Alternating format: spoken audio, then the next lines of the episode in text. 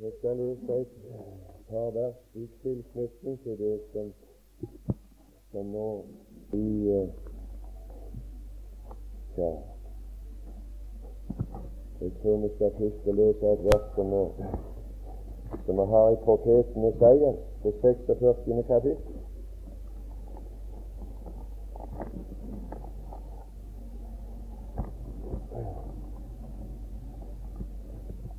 Esaias det 46. kapittel, og vi leser der fra det niende vers. Kom i hu. Dette bibelkurs på en spesiell måte har vært en uh, sådan gjenoppfriskelse i hukommelsen. Kom i hu de forrige ting. Det er det vi har vært minnet om. De forrige ting av oppfylte profetier, det er gamle ting. Kom i hu de forrige ting fra gammel tid. Det er nytt. Det klør i ørene. Dette er gamle ting. Kom i hu de gamle ting. At jeg er Gud og ingen annen. At jeg er Gud, og at det er ingen som jeg. Jeg som fra begynnelsen begynner å laste Jeg som fra begynnelsen forkynner, forkynner enden. Det er Gud. Det er bare Gud. Det er bare Gud som fra begynnelsen, samtidig som han begynner, så forkynner han enden. I det at han begynte, så bestemte han og forkynte, således vil enden bli av det jeg har begynt. Det kom ingen overraskelser. Det er ingenting som har hendt som har fått Gud ut av balanse. Å, forkynn gamle ting. Han, jeg som fra begynnelsen forkynner enden, og fra fordomstid det som ikke er skjedd. Jeg som sier mitt råd skal bli fullbyrdet, og alt det jeg vil, det gjør jeg. Det er Gud. Det er vår Gud. Det er den Gud vi tror på, og det er den Guds ord vi har her, som ikke bare har begynt noe, så vet han ikke hvor det går. Nei, men i det og det han begynte, så, så forkynte han. I begynnelsen så forkynte han enden, og nå skulle vi her i denne timen stanse på hva Gud har forkynt om, og hva Gud har bestemt for enden.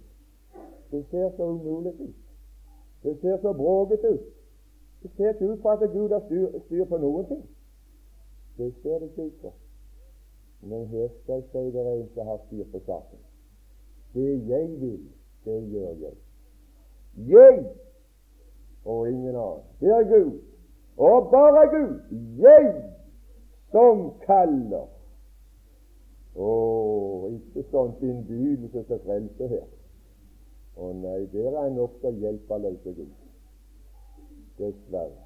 Der er nokså fattig. Nei da. Nei, der tvinger han ingen. Der tvinger han ingen. Men her skal jeg si 'jeg som kaller'. Jeg som kaller fra Østen en råfugl. Fra et land langt borte en mann. Jeg kaller fra Østen en mann, en råfugl, en mann som skal fullbyrde mitt ord. Nå skal jeg si en som har trådene i hånd. En mann en mann som skal fullbyrde mitt råd. Jeg har både sagt det, og jeg vil la det komme. Jeg har uttenkt det. Jeg vil også gjøre det. Å, det er min Gud. Det er min Gud. Det er den Gud jeg tror på. Å, jeg vet hvorledes enden blir. Jeg lever ikke et liv i uvitenhet. Jeg lever ikke et liv i slum. I og med at Gud har begynt å forkynne han enden. Det er bare Gud som kan forkynne enden i begynnelsen. Å, har du Gud? Er det Gud du kom i hus? Her er han. Nå hadde vi lyst. Ja, ja, det er vanskelig. Det blir noen smuler nå, og bare noen få hvor mange kan klare å få inn. Men eh, det som jeg hadde lyst å få fram, det vil jeg si på forhånd, så har du hensikten på forhånd, og så kan du se om det lykkes for, deg, for ditt vedkommende, om jeg oppnår hensikten. Hensikten med denne timen, det var for å få deg å se at i alle perioder og i, for alle tidshusholdninger, om du kaller det slik, så har Gud to måter å behandle folk på. Det er én måte han overvinner de fleste på i våre dager. Det vil bli ved makt. Det vil bli oss lota slå de ned, for de var fiender til slutt. Og fiender kan vi bare knekke som ikke vil gi seg, og som ikke vil overgi seg, og ikke vil kapitulere. Det er da bare én måte å behandle. De må knekkes, de må trøs ned. De må slås ned. Det er Bibelens prinsipp. En fiende som ikke vil gi seg, han skal slås ned. Du kan være sikker, de blir slått ned. Å, han åpenbarer sin makt ved å beseire fienden. Takk og lov for at jeg har en Gud som skal trø de ned alle, så at det ikke skal være fiender mer igjen når han er ferdig. Det skal ikke være én fiende igjen i evighet. Ingen tiden finnes det som er Gud. Der har han utrydda. Det er fred, til store min. Her var, her var soldater i Norge når krigen var slutt. Ja, det var. Krigen var slutt. Det var fred. Og den freden gav en hjemmefrontsoldat i Nikkers mot og myndighet å stige fram for kommandanten for, det, for, for den tyske her i Norge så var general for en masse med soldater som hadde makt, og som hadde våpen, og som var fiender, og som ennå ikke hadde gitt seg. Det var bare én måte å behandle dem på hvis de ikke ville kapitulere. Det var å kjempe dem ned og skyte dem ned til sistemann. Det er bare én måte å behandle fiender for å få fredelige forhold. Rydde de ut. Således skal du rydde det onde ut ifra din leir, sa Gud til Israel. Således. Men så har han en annen måte som er mer ærefulle enn å bekjempe mennesker som er hans fiender, ved å trø dem ned. Det er ærefullt for Gud at han trør dem ned. Han slår dem ned. Det er ærefullt å ha ei regjering og et storting i Norge som straffer synd. Det er folk. Det er vanære. Det fører til kaotiske forhold hvis ikke synd blir straffa i Norge. Ja, det er det. Ingen vil ha det slik.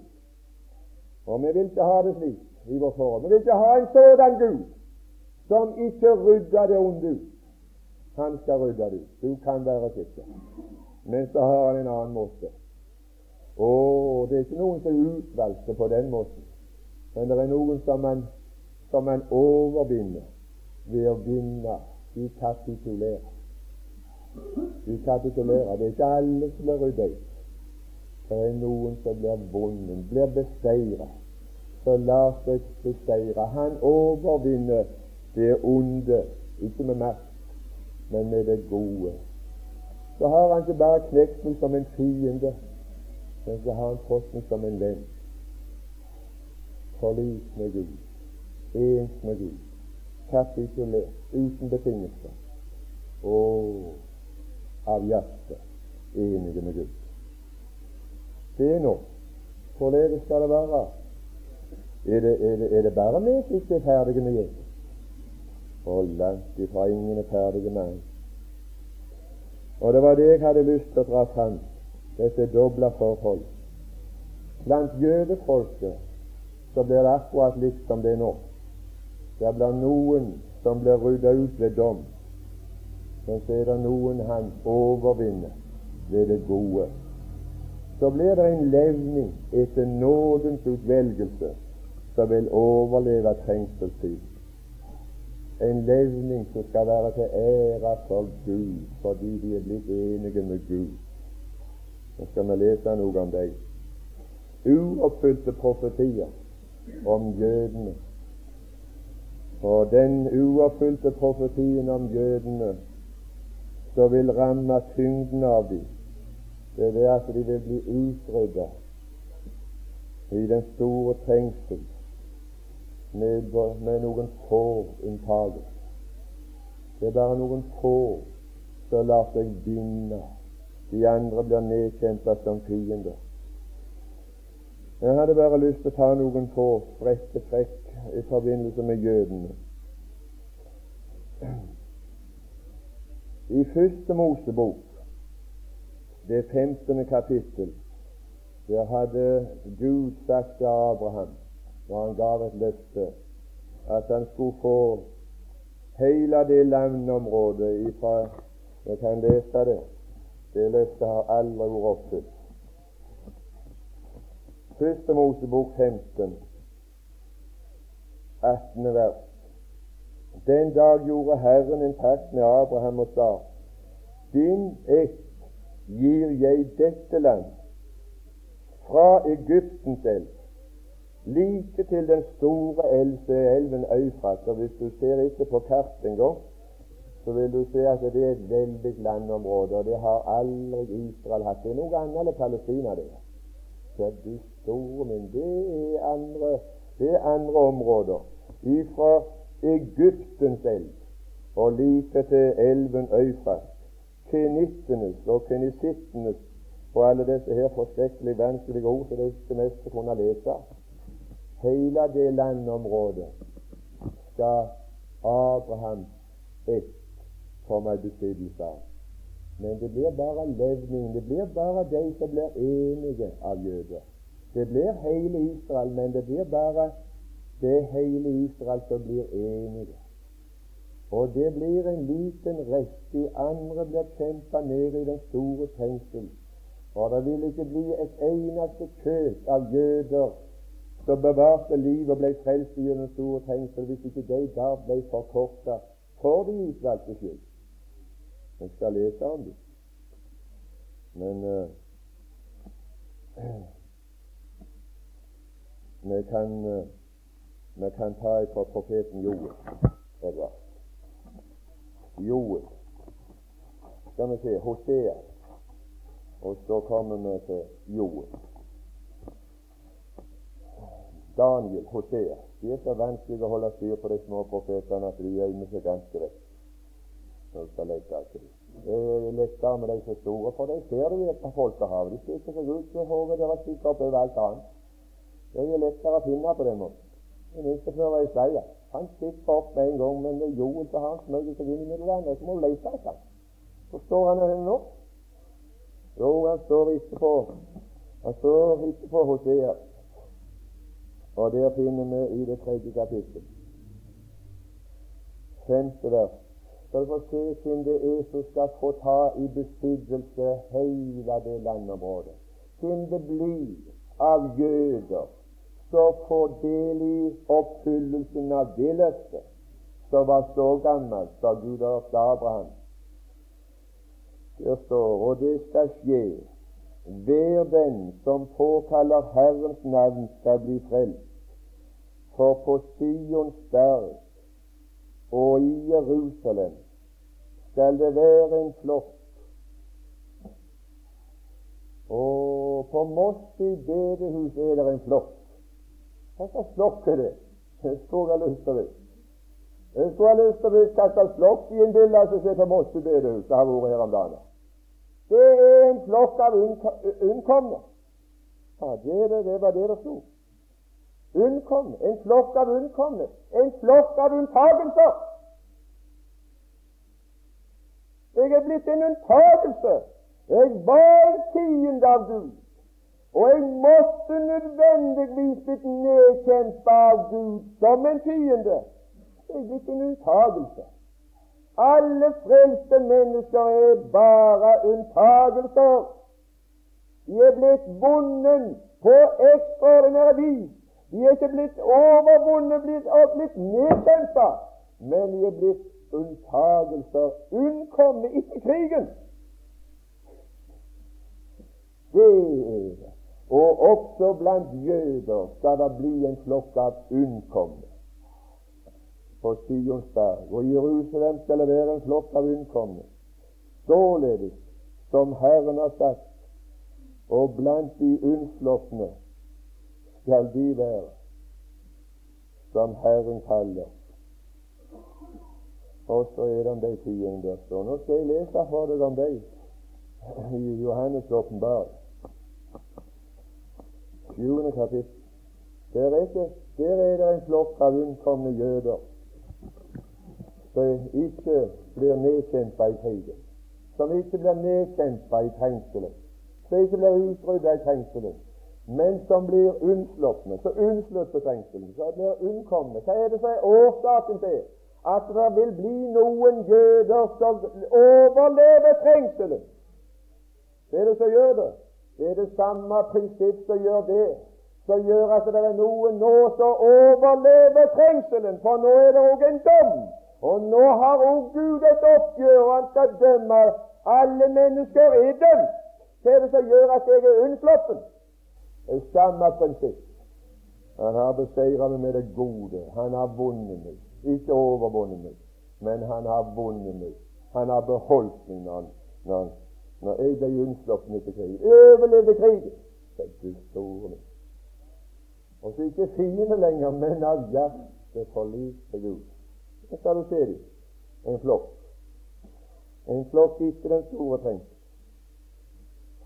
Deretter står jeg, sjuende kapittel, deretter står jeg og tredje vers Skad ikke jorden eller havet eller trærne før vi har satt innsteg på vår Guds tjenere i deres panner, og jeg hørte tallet på dem som var beseglet, de unnslupne, de unnkomne. Det var 144 000 beseglede av alle Israels barns stammer. Han hadde vunnet over noen av alle stammer. Ikke ved å slå de ned, men det var noen hadde overvunnet med det gode av alle stammer. Det er en levning av alt. Herren, han mister ikke alt. Det blir noe han binder i alle stammer når det gjelder jøder. Og det er det vi leser om her. Og vi, vi leser, vi skal komme til det senere, som står litt lenger nede her. Men dette som du leser med Johannes' åpenbaring i 7. kapittel, det er ikke i himmelen du ser dem. Det var ikke der Johannes så dem. Han så dem etter trengselen. Han så de som var unnkomne, og overlevde ikke den store trengsel, og var igjen i denne verden når trengselstida var slutt. Vi skal komme igjen til åpenbaringen 7. I, uh, på den tida når det er bare unnkomne jøder igjen, når alle de som ikke ville bøye seg og kapitulere, er blitt utryddet Når alle jøder er blitt utryddet som ikke vil bøye seg og forlike seg og bli venn med Gud, når de er utryddet, da er det bare en flokk av de som er blitt enige med Gud igjen av jøder. Hva er det med deg? Hva er det da som skal skje? Zakarias profeten Zakarias, han finner du i slutten av den flokken med småprofeter. Ja, det gjør du. altså Foran Malekias det er den siste. Han er nest Sakarias Zakarias det, det 14. kapittel. Skal du få Skal vi få se.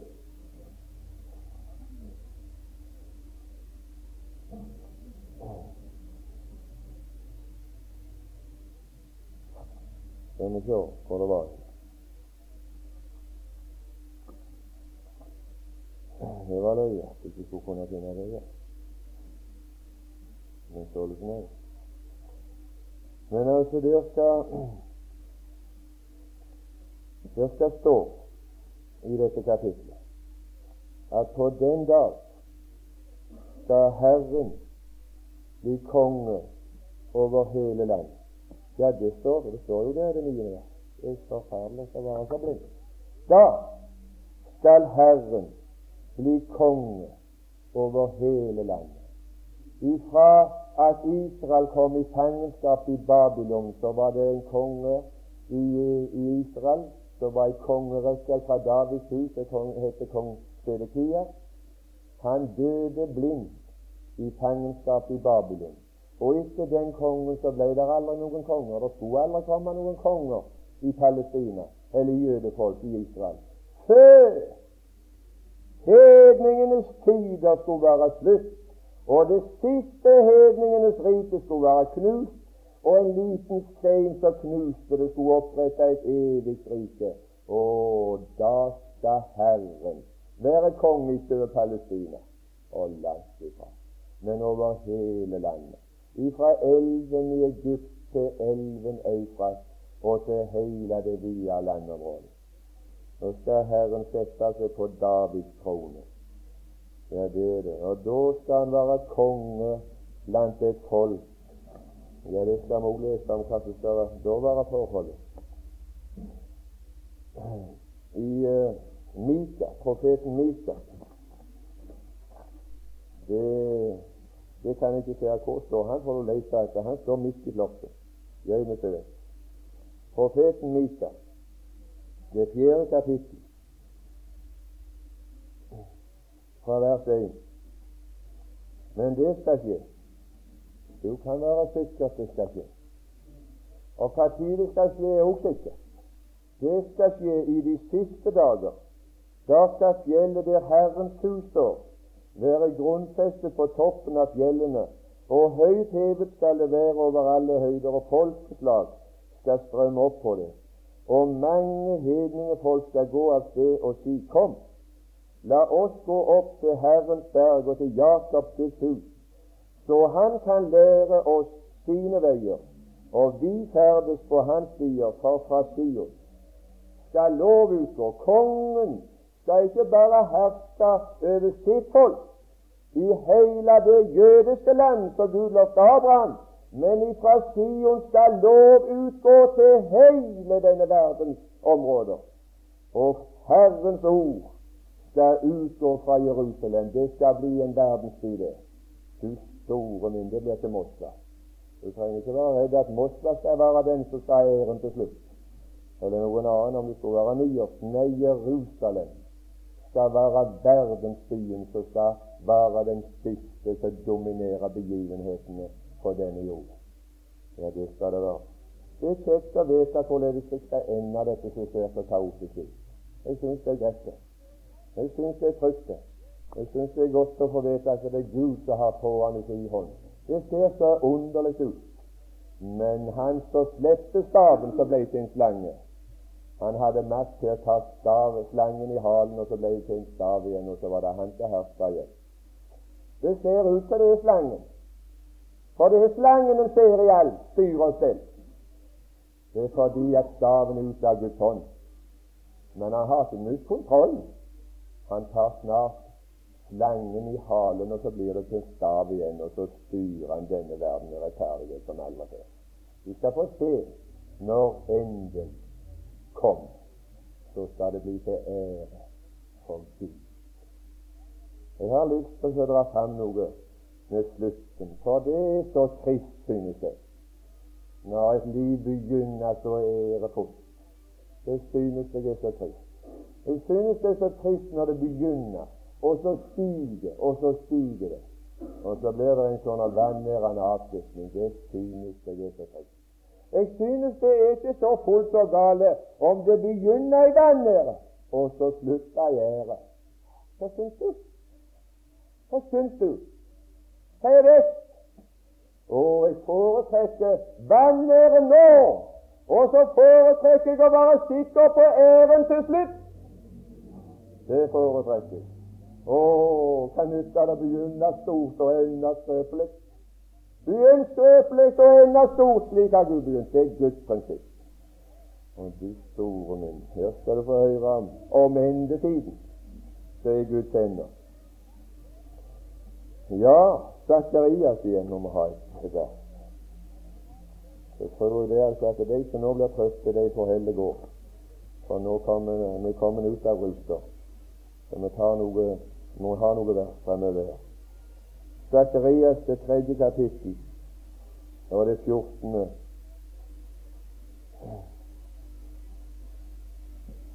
Det var ikke Zakarias. Nei, det var det ikke.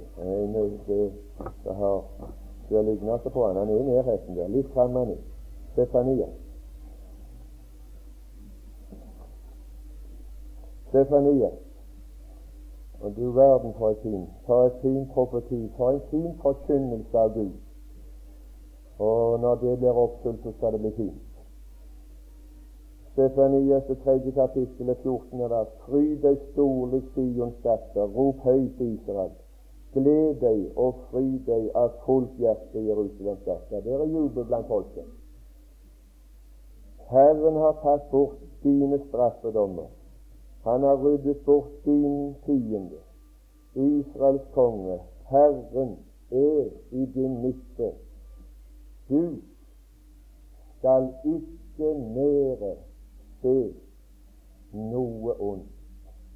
De store min, de unnkomne av jøder, og de skal fryde seg storlig og de skal aldri mer se noe ondt. På den dag skal det sies til Jerusalem, frykt ikke. Sion, la ikke dine hender synke. Herren din Gud er i din midte, en kjempe som frelser. Men nå kommer det. Nei, du store min, det er det som er så fint. Det er når det er et gjensidig forhold. Her er det jubel i folket, men nå får du rede om en jubel som er tent der i Gud, Gud fryder seg. Ja, det står der. Han fryder seg over deg med glede. Det skal bli gjensidighet i fri blant de unnkomne når Herren blir konge.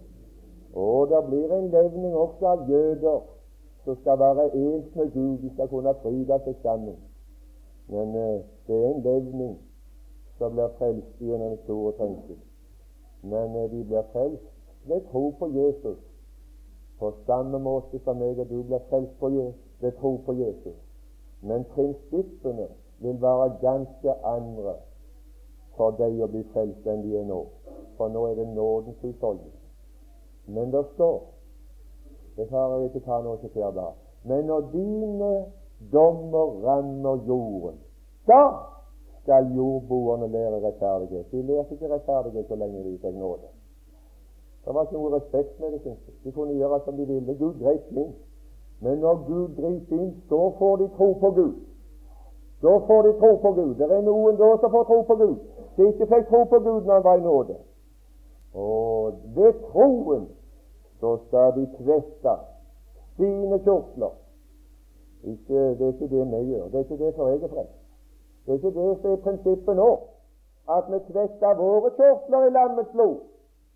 Det gjør vi ikke. Jeg er ikke kledd i mine klær som er rensa i lammets blod. Jeg forsøker å kveste mine klær. Klær, det er det som andre mennesker ser meg i. Jeg forsøker å kveste mine klær i lammets blod fordi jeg er en kristen. Men det er ikke det jeg er kledd i. Det er ikke derfor jeg er født. Nei, jeg er frelst fordi Gud har kledd meg i en kledning som aldri trengte noe renselse i Jesu blod, men som kom til veies når blodet gikk ut. Kledd i Guds frelse jeg står, ren som en lilje i vår. Han har aldri hatt bruk for renselse. Det er det jeg står i. Jeg står for Gud i den beste kledningen. Det kan du være sikker på. Det som du ser, det er mine klær. Og der er det mye ureint. Og der er det mye som også ikke er rensa i lammets blod. Du store min, du gi at rettferdighetsfrykten hos meg burde jo være mye større enn den vil være i trengselsperioden, men vi har det for godt. Det er for stort ansvar å leve i nåde. Det er ansvar. Og så få lov å leve og bestemme sjøl uten kost, så du hadde nå. Nå får du, nå får du passe på deg sjøl, sa han far. Han kjente meg ut første gangen. Nå får du vise at du er verd den tillit jeg har, for nå er jeg det ikke. Hadde jeg bare bor der, så skulle du sitte Hadde Gud vært her nå som han var i, i jødedommen, at han rydda det onde ut når det viste seg, så han er det ikke. Jeg har ansvar sjøl for å kontrollere når det onde er der. Jeg har ansvaret til å rense mine klær hvis jeg vil ha de rene. Jeg har. Ingen kan hjelpe for at vi svetter oss eller smitter oss ut og blir ureine. Men alle av oss kan hjelpe for at vi ikke gjør bruk av Jesu blod til å rense oss. Det er det vi kan hjelpe for. Der er det kolossale ansvaret i nåden. Så er det så voldsomt lett å glemme det, for det skjer ikke noe. Det skjer ikke noe om du ikke gjør det. Så om du ikke gjør det. Det er det flere ansvar. Hadde bare kommet inn og så slo det ned, så skulle du sitte to år snart og passe deg en annen gang. Men det er det de kan leve slervete. Det går an for frelste mennesker å leve slervete. Det går så forferdelig godt an. Det skjer ikke noe. Det skjer ikke noe. Å, det er så uhyggelig. For det, det blir så skitne. Det er så vanærende å se det. Er så vanærende å se.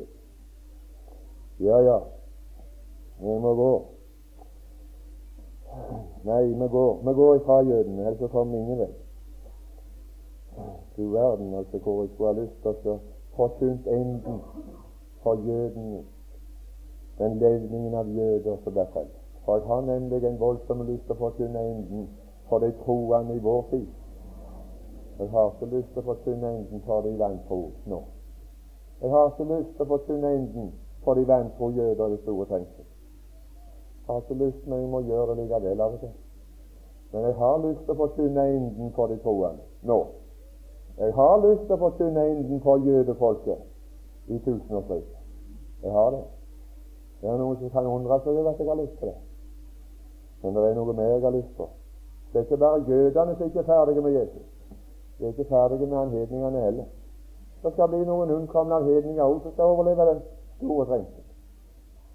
Ja, for hvis, det var det, hvis den store trengsel var det siste, så ville det bli til vanære for Gud. Han skal nesten miste alt.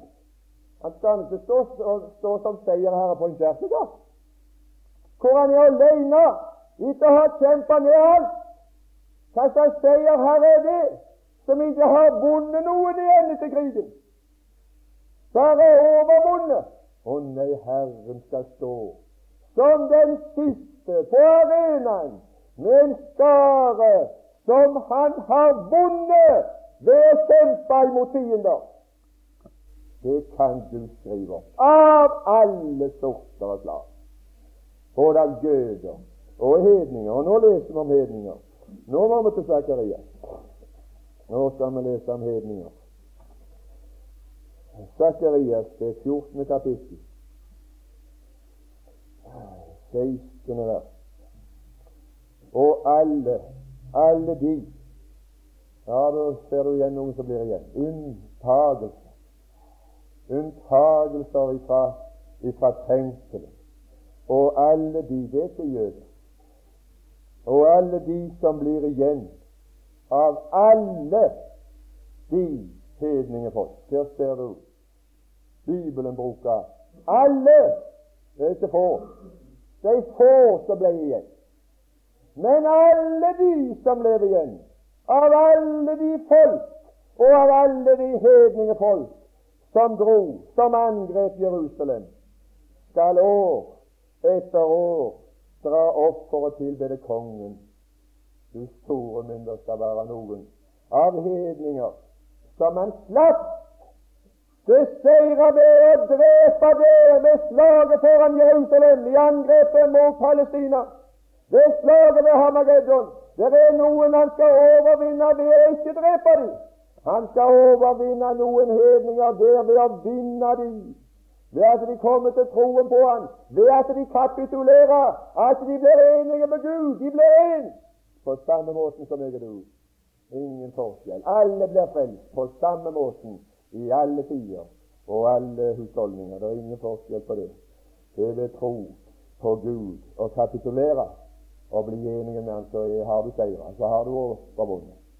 Men det er den som ikke kapitulerer, det er den som blir en fiende mot Gud til du dør, så er du det evig. Men her har du mulighet å kapitulere og bli en med Gud og, og bli for liv.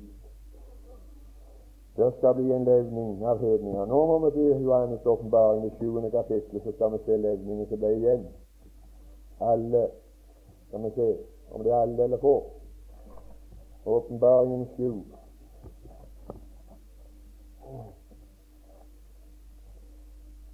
Deretter, niende vers, åpenbaring 7. Nå hadde vi først og sist de unnkomne av jøder i den skare 144 000. Om det er nøyaktig 144 000 i tall Jeg hørte tallet på den, det vil jeg påstå. Men det er mye som taler for det, at det må være tallet. Men det kan godt være et symboltall. For Johannes' åpenbaring er en åpenbarelse som er gitt oss i symboler. Men deretter, niende vers, deretter står jeg Deretter så jeg og se en stor skar som ingen kunne telle. Det var ikke få. Som ingen kunne telle. Av alle etter historien. Det var noen han vant i alle etter. Etter etter bøker, etter tavler. Jeg skal det var der altså, var noen der. Og stammer, stammefolk. I alle stammer så ble det noen. Og folk og tunger som sto for tronen og for landet, kledd i lange, hvite kjortler og med palmegrener i sine hender det er ikke i himmelen.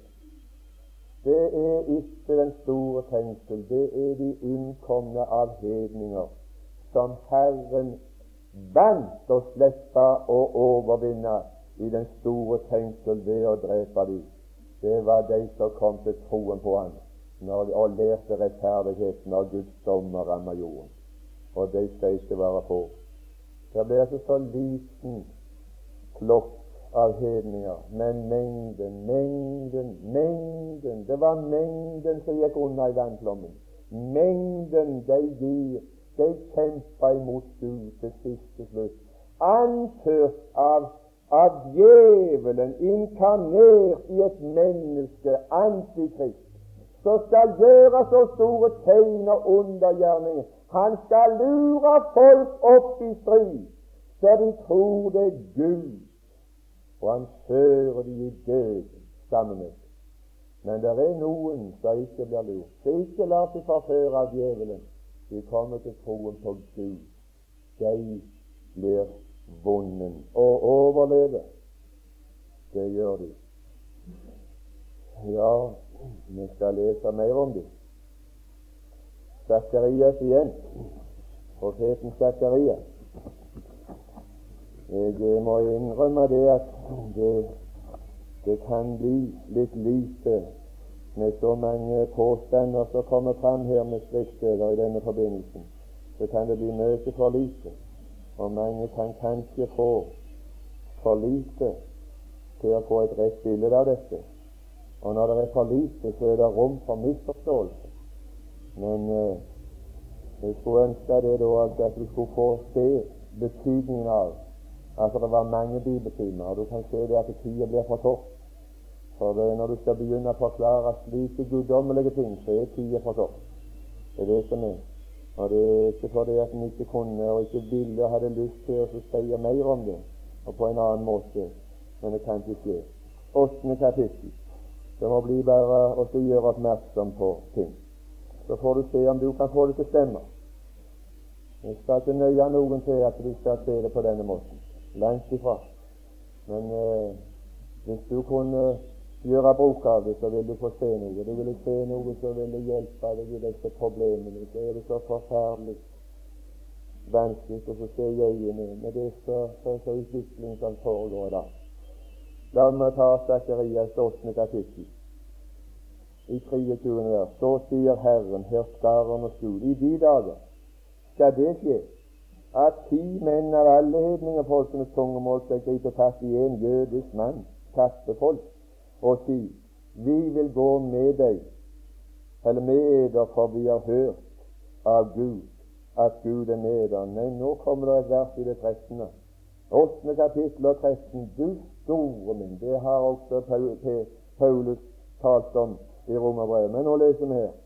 13. vers i Sakarias 8. Og det skal skje. Og det skal skje at like som i Judas hus og Israels hus har vært en forbannelse blant hedningene. Har det vært tilfellet? Har jødene vært en forbannelse blant hedningene? Nei, det skal være sikkert.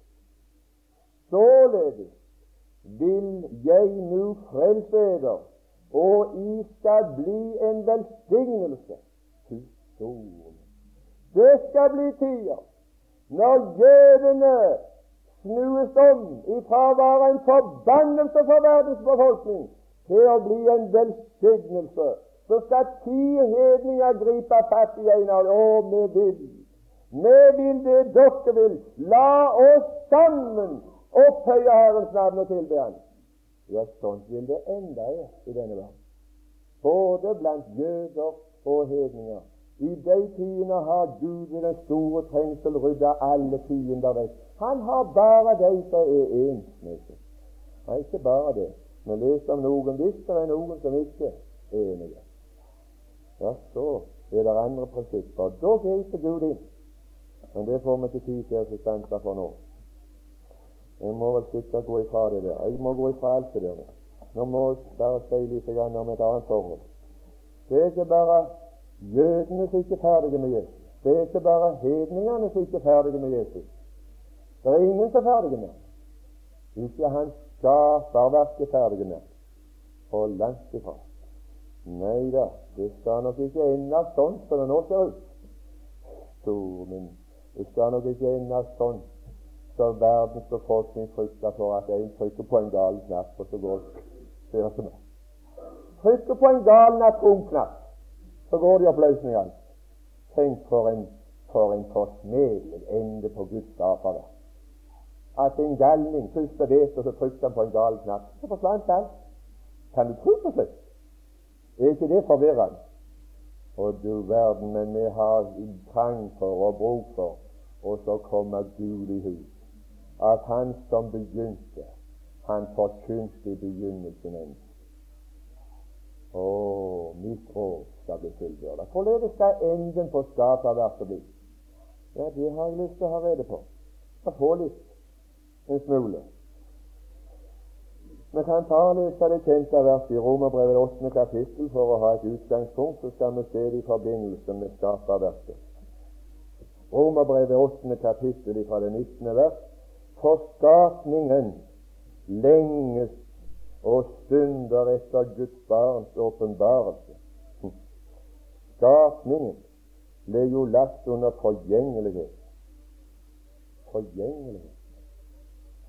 Var det ikke skapt forgjengelig? Det ble lagt under forgjengelighet. Ikke godvillig, men etter Hans vilje, som la den derunder i håp. Nei, kjære mennesker, er det håp i skapning? Ja, han la den under, forgjeng, han la den under forgjengelighet i håp. Ikke i håp om en galning som trykker på en knapp. For langt ifra. Han la ikke denne verden i forgjengelighet i håp om at det skal gå i, i, på den måten. Nei, han la den under forgjengelighet i håp om at også skapningen skal bli frigjort. Trenger skapningen noen frigjørelse? Så skal det bli frigjort ifra. Hvorledes skal det ende? Har han forkynt enden ifra begynnelsen? Skal det bli med, med ulukka? Atombomber og alt dette med raskelse som skremmer vettet av folk? Dommedag! Er det enden? I håp om at også skapningen skal bli frigjort fra forgjengelighetens trelldom. Ja, det var det. Ja, det var det. Nå skal jeg ta noen trekk fra forskjellige. Vi har store Vi roser oss av et høgskoleverk i Norge. Ja, det gjør vi. Og den, det hovmodet vokser dag for dag. Ja, det gjør det. Men jeg er ikke så sikker på innholdet svarer til, til det store stolene. Det kunne gjerne være stort skall med lite innhold. Kanskje det kunne det være. Nå skal vi høre noe riker.